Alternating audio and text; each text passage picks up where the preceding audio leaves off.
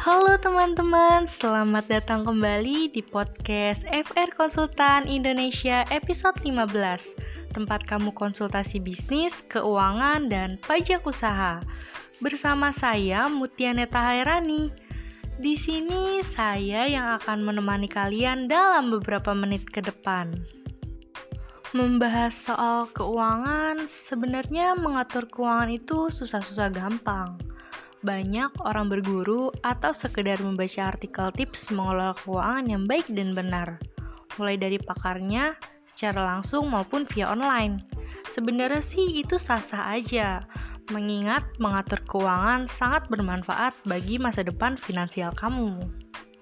Mengatur keuangan bukan saja memperhitungkan setiap pemasukan dan pengeluarannya, tapi juga belajar bagaimana cara keduanya berjalan seimbang tidak besar pasak daripada tiang, sehingga menimbulkan defisit keuangan.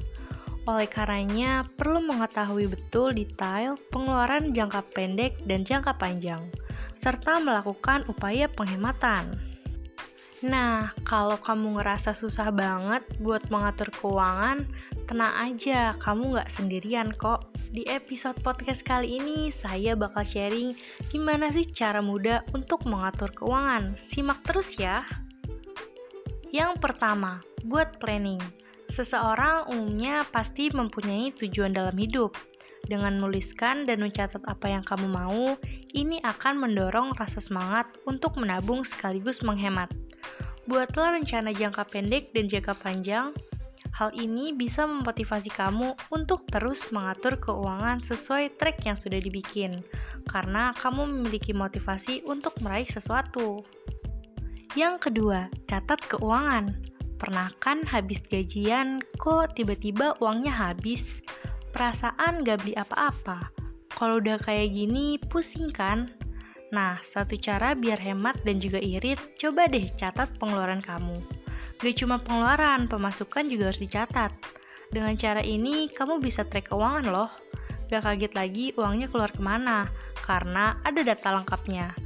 Selain itu, kamu juga bisa lihat pemasukan kamu seberapa besar apabila dibandingkan dengan pengeluarannya. Yang ketiga, menabung. Untuk mengelola keuangan, pastinya harus mencoba untuk menabung. Uang yang diperoleh bisa dengan membuat aturan tersendiri. Salah satu tips penting buat nabung yaitu kamu jadi tahu berapa banyak nilai uang yang kamu miliki, kebutuhan dan keinginan apa saja yang kamu butuhkan. Intinya, kamu harus aware sama keuangan kamu sendiri. Setelah itu, sistem menabung bisa sesuai preferensi kamu. Yang keempat, ikut asuransi. Ikut asuransi pun bisa menjadi sarana yang tepat sebagai bentuk mengatur keuangan. Udah banyak asuransi yang tersedia, mulai dari kesehatan, pendidikan, sampai asuransi pensiun. Dengan asuransi ini berarti kita sudah mempersiapkan keuangan. Jika suatu waktu ada terjadi hal darurat dan tidak diinginkan, karena dana darurat saja belum tentu cukup. Dengan adanya asuransi yang terjamin, kita nggak perlu lagi khawatir berlebih kalau ada situasi yang tiba-tiba. Secara nggak langsung, kita sudah menyiapkan masa depan yang lebih baik dengan asuransi. Yang kelima, bijak menggunakan kartu kredit. Meski sedang mengelola keuangan, kamu tidak perlu menutup kartu kredit. Kamu bisa menyiasati pinjaman dengan bijak. Semakin lama usia kartu kredit dan ketepatan waktu membayar cicilan akan terekam pada skor kredit kamu. Menutup kartu kredit tentu saja merusak skor kredit kamu.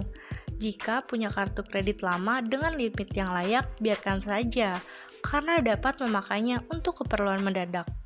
Mengatur keuangan dengan pintar, maka hidup akan lebih tenang. Menjaga keuangan agar tetap stabil memang terdengar mudah, tetapi realitanya tidak semudah itu. Butuh komitmen kuat untuk menjalankannya, karena tanpa komitmen kamu akan mudah tergoda dengan berbagai halangan yang ada di depan mata, sehingga dapat merusak rencana keuangan yang sudah disusun sedemikian rupa. Bagaimana? Kira-kira menarik nggak pembahasan kali ini? Terima kasih telah bergabung dengan saya untuk episode 15 mengenai tips mengatur keuangan yang sehat.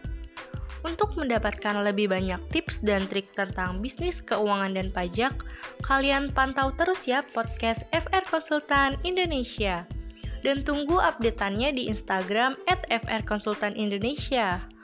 Oh iya, kalian juga bisa konsultasi gratis loh selama 20 menit pertama dengan menghubungi nomor 0813 8228 9991 atau mengunjungi website kami di frkonsultanindonesia.com.